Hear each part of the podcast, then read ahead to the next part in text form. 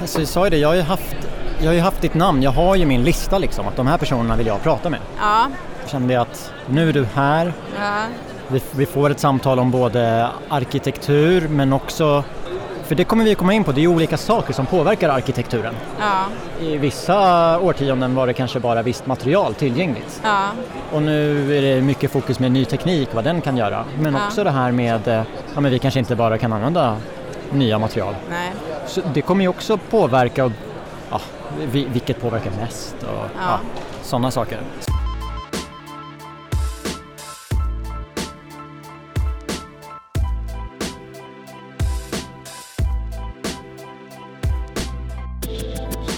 Att arkitektur berör är nog ett understatement. Det som kan vara världens finaste byggnad för någon kan vara världens fulaste för någon annan. Tur är väl då att det finns olika stilar och att arkitekturen i våra städer förändras med tiden. Min nästa gäst är VD för White Arkitekter och i dagens avsnitt pratar vi om faktorer som spelar in när stilar förändras, vad som kännetecknar dagens arkitektur och vad hon ser för möjligheter när hon blickar framåt. Låt mig presentera Alexandra Hagen.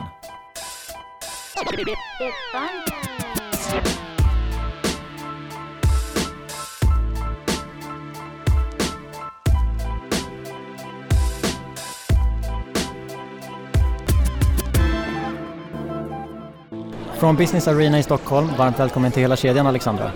Tack så mycket, jättekul att få vara här. Vi spelar in där under Business Arena. Du har ju haft ett panelsamtal med rubriken Arkitektur idag och kanske imorgon. Ja. Och då tänker jag, vad kännetecknar enligt dig dagens arkitektur i Sverige? Arkitekturen är ju alltid en eh, barn av sin tid. De ekonomiska förutsättningarna, de byggteknikerna som råder och eh, estetiska preferenser. Så det är väldigt många ingångar som eh, går in i att eh, skapa arkitekturen. Men det allra mest spännande med arkitekturen just nu det är ju att vi står inför ett, eh, ett stort skifte eh, i hur vi arbetar med att formge byggnader och platser i, eh, på ett mer hållbart sätt och att det kommer att ha väldigt stor påverkan på formgivningen. Eh, och kanske det mest intressanta skiftet sen modernismen på 30-talet kom skulle jag vilja säga att det kommer att bli, tror jag. Det där är intressant för att jag, jag skrev ner här ekonomi, material och teknik som tre Ja. faktorer som men, har påverkat arkitekturen genom tiderna. Ja, Och vi kanske ska beta av dem. Jag tänkte om vi börjar med teknik. ja, Från papper till CAD, från CAD till BIM ja. och sen har jag också sett de här arkitektkontoren som pratar om parametrisk design. Vi knappar in och så får vi förslag. Hur har det påverkat arkitekturen, tycker du? Syns det överhuvudtaget? Ja, men det, eh, du talar ju om eh, verktyg nu, eller redskap som vi använder för att formge eh, arkitektur och det är klart att det gör ju att saker och ting går snabbare på olika sätt. Vi kan göra beräkningar som tidigare tog väldigt lång tid kan vi göra liksom simultant i våra modeller och om du pratar om parametrisk design så har vi ju hållit på med det ganska länge. Tele2 Arena, det blev ju liksom färdigställt för ja, det är många år sedan nu men hela den fasaden är ju formgiven med parametrisk design då där vi har kunnat jobba med eh, formgivningen av fasaden utifrån leverantörens eh, produktionslina för materialen. Eh, så att vi ska få så lite spill som möjligt men också samtidigt då liksom beräkna ljusinsläppet så att det blir tillräckligt med ljus inom eh, hus men samtidigt tillräckligt, att man ska kunna se ut tillräckligt bra då och, att, och, och dessutom en eh, det, det är ju ingen platt fasad utan det är en eh, cirkulär form på den här byggnaden och så. så att, och hantera alla de här olika komponenterna samtidigt i samma modell, det är ju liksom en otrolig möjlighet som gör att man kan eh, jobba med formgivning på nya sätt. Men det där är intressant för att du, nu nämner ju du minimera spillmängder. Ja, Alltså, det är inte så att det är standard i alla projekt. Möjligheterna borde ju finnas i alla projekt. Ja, Eh, men, men eh, med de nya digitala verktygen som kommer nu så kan man ju komma väldigt mycket längre. Ehm, till exempel så om man jobbar med träbjälklag till exempel, hur man bygger upp dem så kan man ju minimera spillet genom att det inte liksom är samma hållfasthet i bjälklaget överallt utan hållfastheten finns där den behövs. Och det kan datorn eh, räkna medan man ritar och så här. Och så, så sådana saker blir ju enklare och enklare att genomföra istället för att man har då en standard eh, bjälklag som man bara lägger ut och sådär. Det, den typen av produkter, också att tillverka dem med datorernas hjälp blir också väldigt mycket enklare då. Spara material och minimera konstruktionsmaterial som krävs och göra korrekta beräkningar på det. Men har inte det blivit en förändring? För att jag har ju hört att en byggherre idag Ja. Det är inte nödvändigtvis samma kompetens som en byggherre för 30 år sedan. Det är inte mitt citat utan det är det jag får höra när jag pratar med olika personer och organisationer. Och jag tänker, om man kan, som arkitekt kan visa en 3D-modell ja. så kanske det blir lättare att ta till sig vissa saker som man annars kanske hade sett som en 2D. Så har inte det förändrat er roll i projektet? Ni kan både ta fram era förslag men också kommunicera dem på ett annat sätt? Eh, ibland kan det vara bra, ibland är det mindre bra. Det här med frågan om att, att eh, skissa saker och ting och visa dem så att folk förstår att de är lagom färdiga, inte hela vägen färdiga. Det är väldigt mycket lättare när man skissar för hand. Då förstår folk att den här lösningen inte är genomtänkt hela vägen. Eh, men när du har de här eh, datamodellerna så ser det väldigt snabbt väldigt färdigt ut fast den inte är det. Så det, det finns ju ett stort värde i att man kan kommunicera snabbt men också att man kanske lite för snabbt tror att det är färdigt då. Men jag förstod inte riktigt vad du menade med det här eh, att byggherrerollen är annorlunda nu. Eh. Det är ju bland annat Boverket som har lyft fram det i sin rapport där det står att ja, men skador inom bygg, det står för så här många miljarder varje år och ja. en liten del i det är att byggherrarna ja, men de har inte samma kompetens som för 30 år sedan och kan kvalitetssäkra vad det faktiskt är de får. Så det, det är inte jag som hittar på det. Ja, ja men jag kan eh, för, ja, från det horisonten så kan man ju säga att det här med eh, det standardiserade byggandet och det automatiserade byggandet det har ju gjort att många entreprenörer, man är mera till viss del eh, mera montörer än hantverkare.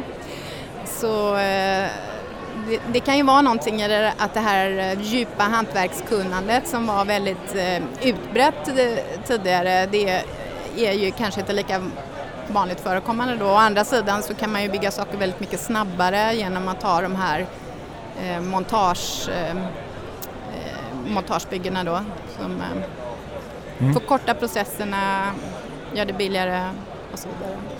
Och det leder ju oss faktiskt in till nästa för jag menar ekonomi, ja mm. den går upp, den går ner och jag förstår att det påverkar hur mycket pengar man har att göra ja. saker med. Ja. Eller hur mycket det, det kostar att bygga. Ja.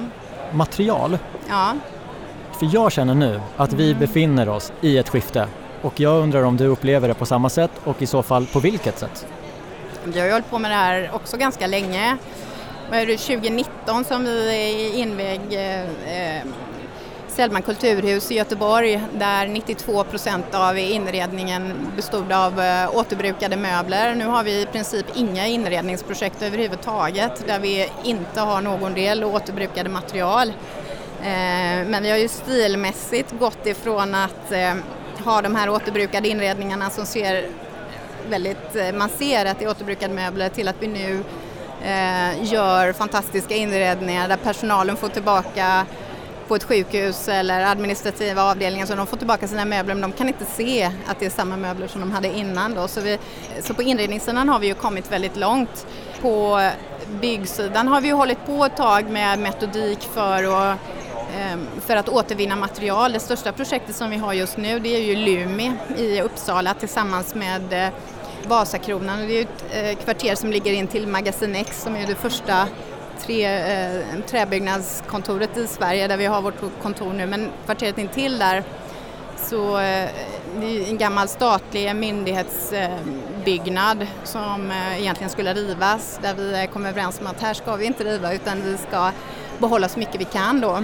Eh, och vi behåller eh, hela betongstommen vi återbrukar alla eh, gipsskivor, många partier, fasta inredningar och så vidare och ihop med detta så parallellt med detta så jobbar vi med att utveckla digitala verktyg för detta, till exempel hur man går in i en sån byggnad, skannar allting, får in det i en modell så att man kan jobba med alla de här återbrukade materialen. bara hela arbetssättet. Eh, Men sen också då om du har en återvunnen dörr så har du bara en av den sorten. Hur ska du veta i din digitala modell att du har använt den här dörren? Eh, så, så att vi, eh, ja, det sker ett skifte eh, nu eh, och det ställer ju stora krav på att man arbetar på ett annorlunda, på ett annorlunda sätt både genom alla led helt enkelt. Man får ju hela tiden jobba med eh, att vara vattnet runt stenen och ha större fokus på att jobba med lösningarna där man kan det istället för att fokusera på de hinder som så, så småningom kommer att ändras när, man, eh, ja, när folk förstår det. Så. Men hur känner du från dina beställare? För att visst, om man kan eh, behålla en stomme Mm. Teoretiskt så är det en kostnadsbesparing för att du behöver inte köpa en ny stomme. Men det kan ju också, eller det kan, det, det är också kostnader förenade med att behålla den stommen. Eh, känner du att beställarna är med på att vi kan betala extra för det här eller är det fortfarande ekonomin som styr? I det här projektet ska man säga att eh, vi har räknat ut att det tar 18 eh, månader kortare tid på grund av att vi behåller stommen. Och sen är ju också en stor fråga klimatavtrycket. Eh, då, vi har ju Magasin X där bredvid som är helt och hållet byggd i, i, i trä men här, den här byggnaden då där vi sparar hela stommen, stommen har ju så stort klimatavtryck då. Där är ju, på grund av att vi sparar så mycket så är ju klimatavtrycket hälften så stort. Och eh, hittills så, har vi ju kunnat hålla det så att vi ligger i pris och bygga på samma nivå ungefär som det hade kostat att bygga nytt. Eh, så att det blir egentligen ingen merkostnad i projektet. Däremot så vinner man ju på att man blir klar tidigare så man får in hyresgäster tidigare, man får intäkter tidigare. Men det finns ju otroligt mycket att göra i att effektivisera eh, processerna så att det blir ännu mer lönsamt att göra detta då. Eh, och ehm, där tänker jag att de här stora fastighetsbolagen som har muskler att göra de här utvecklingsprojekten, de, de spelar en extremt eh, viktig roll för att man ska kunna göra pilotprojekten som man sen har som utgångspunkt för att förenkla och förbättra. För det är ju hela tiden å ena sidan, å ena sidan uppfinna det nya och sen å andra sidan göra det, det nya applicerbart och ekonomiskt genomförbart i så många fall som möjligt. Det är så vi kommer att få en stor förflyttning. När jag pratade om de här nya arbetssätten från papper till CAD, från CAD till BIM och lite parametrisk design. Eh, mitt mm. intryck är att det har inte haft så jättestor påverkan på slutprodukterna.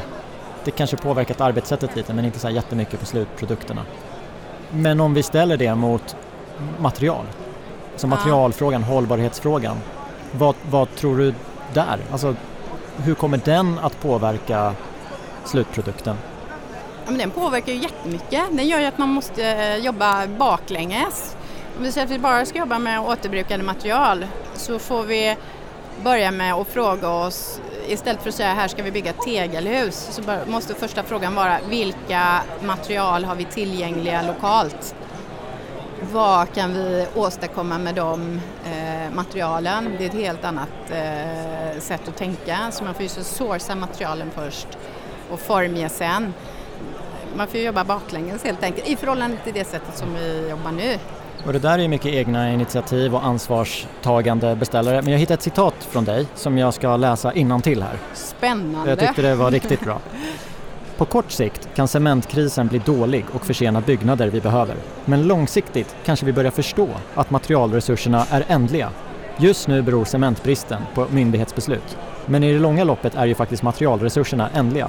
Så kanske kan detta bli startskottet för att exempelvis återbruka gammal betong. Något som redan görs på vissa håll i liten skala, säger hon. Ja. Ett år senare, ser du någon förändring? Ja, men det, det, jag, jag upplever att hastigheten i omställningen går snabbare och snabbare och det är ju naturligtvis mycket drivet av eh, kraven från taxonomin och att eh, i en lågkonjunktur så är det svårt att få kapital men de projekten som får finansiering det är absolut de som eh, lever upp till hållbarhetskraven i taxonomin. Så, eh, det finns intresset för, att, eh, för detta ökar ju lavinartat skulle jag vilja säga. Så vi måste bara skärpa upp oss och bli ännu bättre liksom jag känner ju lite som du, mm. när den här frågan var uppe, så tänkte jag så här, men det är väl inte så dåligt att frågan är uppe och då argumentet jag möttes av var hur ska vi gjuta fundamenten till våra vindkraftverk? Och det är så här, men det är inte det det handlar om riktigt utan det handlar ju faktiskt om det här exemplet du nämnde, man kan behålla en stomme. Ja. Du kanske kan behålla ett skal och förfina, nyproduktion kontra förfina. Ja. När jag går runt i Stockholm, och så, ja, men det är lite blandad bebyggelse från olika år, men jag vet ju att om man river den här byggnaden byggnaden som kommer komma upp här, ja, men den kommer ha mycket mer glaspartier och det, det, kommer se ut på ett visst sätt. Jag säger inte att det är bättre eller sämre, det är väl häftigt med, ja. med nytt inslag. Men om vi istället ska förfina, ja. hur tror du att det kommer påverka stadsbilden? För man vill väl ändå förnya Ja, men man kan säga så här, med att riva, bygga nytt, det är en ganska ny företeelse. Nästan alla historiska byggnader som är riktigt gamla så kan du gå fram till den här byggnaden och så kan du se där är ett igensatt fönster, här är en igensatt port, här har du öppnat någonting nytt. Du känner igen detta om jag pratar om det. Så att, eh, men att göra det eh, på ett sätt så att man vårdar kulturarvet och att man gör att man också kan eh, nyttja de här byggnaderna på ett effektivt sätt. Så jag kan inte svara på exakt hur, hur det kommer att se ut. Det är ju naturligtvis väldigt olika om du vårdar en byggnad från 60-talet eller om du vårdar en byggnad från 1700-talet. Men man kan säga så här, för två år sedan ungefär, 2021, så gick alla världens finaste arkitekturpriser till projekt som på något sätt var eh, utveckling av befintliga miljöer. Det, och inklusive Kasper Salinpriset som gick ju till eh, Kulturhuset. Kulturhuset, så där har du ett, ett sådant exempel då. Jag känner att det finns en del möjligheter om jag som arkitekt får ett uppdrag att förfina någonting. Ja. För det kan ju vara så att jag får jobba med en fasad som inte byggs idag. Ja. Jag kan få jobba med inre rumshöjd som vi inte bygger idag av olika BTA kostnadsskäl. Sen finns det ju utmaningar också. Ja. Eh, och det är väl lite det jag försöker komma till att kommer det här kräva en annan kompetens hos arkitekten eller nej, vi är vana vid att lösa utmaningar? Alltså jag tycker, tror nog liksom att problemlösningsprocessen är, är densamma eh, egentligen. Eh, men det är bara att utgångspunkten är ju det unika i, eh, i varje projekt. Så jag, jag, ser egentligen ingen, ingen större skillnad i det. Sen är det ju naturligtvis som byggnader måste eh, nyttjas effektivt men den stora, stora utmaningen om vi nu måste bygga nytt det är ju hela frågan om design for deconstruction. För jag menar, vi, vi är ju på det här med att vi kan få ner klimatavtrycket lågt när vi bygger nybyggnad och, och vi jobbar med materialen men sen är det ju hela den här frågan om att när vi måste formge nytt så måste vi formge så att det går att skruva isär. Och det är också en jättespännande eh, uppgift. Hur klarar vi liksom hållfasthet, hur klarar vi eh, lufttäthet, eh, ja, men hur, hur, minskar vi svinnet och genom att då redan på ritbordet hela tiden tänka hur ska detta plockas isär? Alltså det, det, där tänkte jag på i helgen. Jag kollade ja. på, lite nördigt, men jag kollade på ett program om skyskrapor. Ja. Det finns ju ganska höga i Dubai, ja. nu ska de bygga ännu högre i Saudiarabien. Och då var min fråga till mig själv, hur ska de riva den här byggnaden? De kan ju inte spränga den, det, det, det går ju inte. Den är tusen meter hög. Liksom hur, just det, design for eh, Ja, men de, här, de är ju inte byggda för det. Sen kan jag ju tycka att det det som jag också tycker är spännande med hållbar arkitektur det är ju att, att eh, vi måste gå tillbaka till mycket mer lokal formgivning. Det här med att bygga stora glastorn i öknen det är ju inte så jättebra ur eh, kylsynpunkt och så. Jag kan inte svara på hur man ska demontera det men eh, det som kan bli också väldigt mer intressant är ju att vi måste återgå till att bygga av sådant som finns eh, lokalt och det kan ju göra att vi frångår det här att man har den här generiska glasarkitekturen som finns över hela världen och istället återgår till att bygga saker och ting som, är, som fungerar på platsen med material från platsen eh, och att det kan ge mer spännande städer och större skillnader i städer eh, för att de finns i olika klimat och eh, ja, i olika sammanhang helt enkelt. Men om vi tar Sverige, jag menar du i rollen som arkitekt, du är ju ganska långt fram i kedjan. Om det ska byggas något nytt eller förfinas, ja, men Ja. arkitekten kommer in mer eller mindre långt fram. Men Ja, långt fram är det i alla fall. ja. Märker du någon skillnad nu jämfört med, jämfört med för fem år sedan? Att beställarna är att, ja men vet du vad, det här ska vi tänka på när vi ritar. Vi ska återbruka element. Mycket, jätte, jätte, jättestor skillnad är det. Alltså bara frågorna som eh, alla de stora fastighetsbolagen de är ju på bollen nu. Eh, och eh, jobbar otroligt medvetet med detta och följer upp och har ambitioner att de ska sänka sin klimat sina klimatavtryck. Och de har också, specifik, de har också specificerat det. Vi ska göra det genom minskad användning av material, vi ska göra det genom, så att om man då jämför för ett antal år sedan så var det ju väldigt stor skillnad. Sen är det ju klart att mindre aktörer kanske inte har kommit lika långt men de stora aktörerna är ju pådrivande i att få processerna på plats, att vara pådrivande eh, beställare som gör att den här metodiken så småningom blir, eh, blir implementerbar även för mindre bolag tänker jag, att man vågar sig på det då. Ja, men jag har ju sett en del byggare som säger att de ska vara klimatneutrala till 2045. Ja, Ni har sagt 2030. ja. Hur går det? Ja men vi måste ju, allting som vi ritar från 2030 och framåt måste ju vara, om vi, ska, om vi säger att entreprenörerna ska nå sina mål till 2045 och vi till exempel får ett nytt Karolinska sjukhuset eh, 2030, då måste vi kunna formge det fullt ut eh, klimatneutralt eh, 2030, för annars så eh, kan entreprenörerna inte bygga efter det så det blir klart eh, till 2045. Så, att det, så är det ju bara man räknar baklänges. Sen är det ju, eh, vi har ju lång väg kvar och vandrar dit. Vi ser ju, eh, nu ser vi då att 86 procent av alla våra projekt som vi driver, de har en koppling till, eh, till de globala målen. Vi ser en jätteökning landskaps och stadsbyggnadsprojekt som jobbar med eh, biodiversitet och så på olika sätt. Ehm, vi ser ökad andel återbruk i projekten. Just nu faktiskt en liten tillbakagång i eh, sådana som vill certifiera för koldioxidneutralitet och det hänger ju mycket ihop med att det startas få nybyggnadsprojekt eh, och så just nu. Men jag, jag tycker att det är superviktigt att man sätter tydliga mål och när man ska uppnå dem för det är liksom startpunkten för att man börjar agera för att nå dit. Så eh, nej, vi har inte alla verktyg för att komma hela vägen i mål men utan att ha ambitionen att komma dit så kommer man aldrig att nå dit. Ett verktyg som kommer upp ganska ofta Ja. är AI. Ja. Hur arbetar ni med det?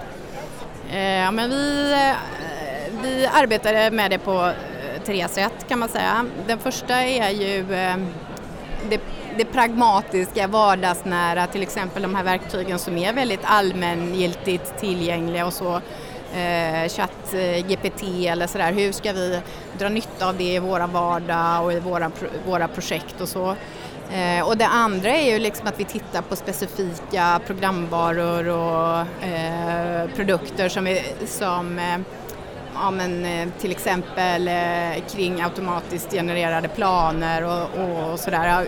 Är det tillräckligt bra? Hur ska vi koppla ihop det med våra egna produkter och så? Sen, gör- sen utvecklar vi ju eh, inte, inte, inte AI, men vi jobbar ju också en del med att, lägga på saker ovanpå andra digitala programvaror som vi redan jobbar med. Och den tredje delen, den eh, handlar ju väldigt mycket om att, hitta ett sätt att strukturera vår data så att den blir användbar och det är ju det största och svåraste jobbet.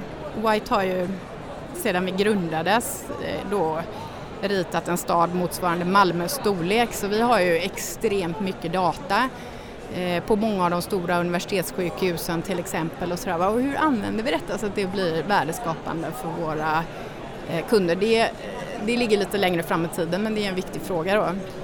Men jag tror det viktiga är att vara pragmatisk, att bestämma sig för ett område som man jobbar med, tävlingar till exempel, som ju är väldigt dyrt för oss. AI kan potentiellt liksom Eh, ja, vi kanske kan eh, tredubbla antalet tävlingar som vi eh, lämnar in till en betydligt mindre kostnad om vi eh, använder de här verktygen på ett bra sätt. Det är ju skitbra för oss. Men vi måste eh, jobba med metodiken för hur vi implementerar det i vår verksamhet. När jag har gått runt och pratat lite nu på Business Arena så är det ju många som säger så här, ah, hur kommer AI förändra saker och ting? Och ja. jag känner ju så här, fast AI har ju förändrat, jag menar AI klarar idag Tyringer-testet. Att ja. man, man går på, att man tror att det är en människa man pratar med. Ja. bara för några år sedan så sa ju forskarna så här, det här kommer inte inträffa förrän 2030. Men det har redan inträffat nu så det går ju fort. Ja. Och du nämner också så här, ni har jättemycket data och mm. man blir jätteintresserad att höra och se mm. Vad AI kan göra med den. Men har ni haft någon stund redan nu där AI har gjort någonting där ni känner så här, oj, det där gjorde, den tog fram den här planlösningen, den här bilden och den blev bra och vi hade visserligen kommit på det där själva, mm. men den gjorde det snabbare. Ja men absolut! V vad då för något? Ja men eh, man jobbar med chatt Eh, GPT till exempel tillsammans med en sån eh, programvara som Midjourney till exempel och de två tillsammans eh, att man då kan ju generera visionsbilder på ja, 20 minuter som i vanliga fall hade tagit en vecka. Alltså att göra med en vanlig visualiserare. Men det är ju, många, det är ju liksom de här verktygen ihop, det är ju superanvändbart eh, och jag tycker det viktiga i detta är ju hela tiden att vi som arkitekter med den kunskapen om verkligheten finns nära den här teknikutvecklingen för det är ju fortfarande så att de här förslagen som kommer fram måste ju granskas. De här automatgenererade planlösningarna till exempel, de, eh, vi behöver ju vara med och jobba med detta så att de faktiskt får bra bostadskvaliteter och eh, ja, bidra utvecklingen helt enkelt. Och sen eh, också nyttja dem eh, för att det ska bli så bra som möjligt för de människorna som sen ska bo i de här byggnaderna. Men jag tror man måste vara nyfiken och man måste vara pragmatisk i nuet. Vi vet att utvecklingen går jättesnabbt men man kan ju inte låta sig paralyseras av att vänta på att det kommer ha skett mycket, mycket mer om sex månader. Man måste ju liksom agera på det man kan undersöka just nu, tänker jag. Ja, och jag känner ju ofta i den här diskussionen att mm. det, det, blir så här, ja men behövs ens arkitekten? Jag vill bara säga att jag är laget där arkitekten absolut behövs, men man kommer, ja, baserat på det jag vet om AI nu, eh, ja. så kommer arkitekten absolut behövas. Eller, eller så är det bara ett, en önskan jag har för att jag mm. vet att min egen roll också är hotad.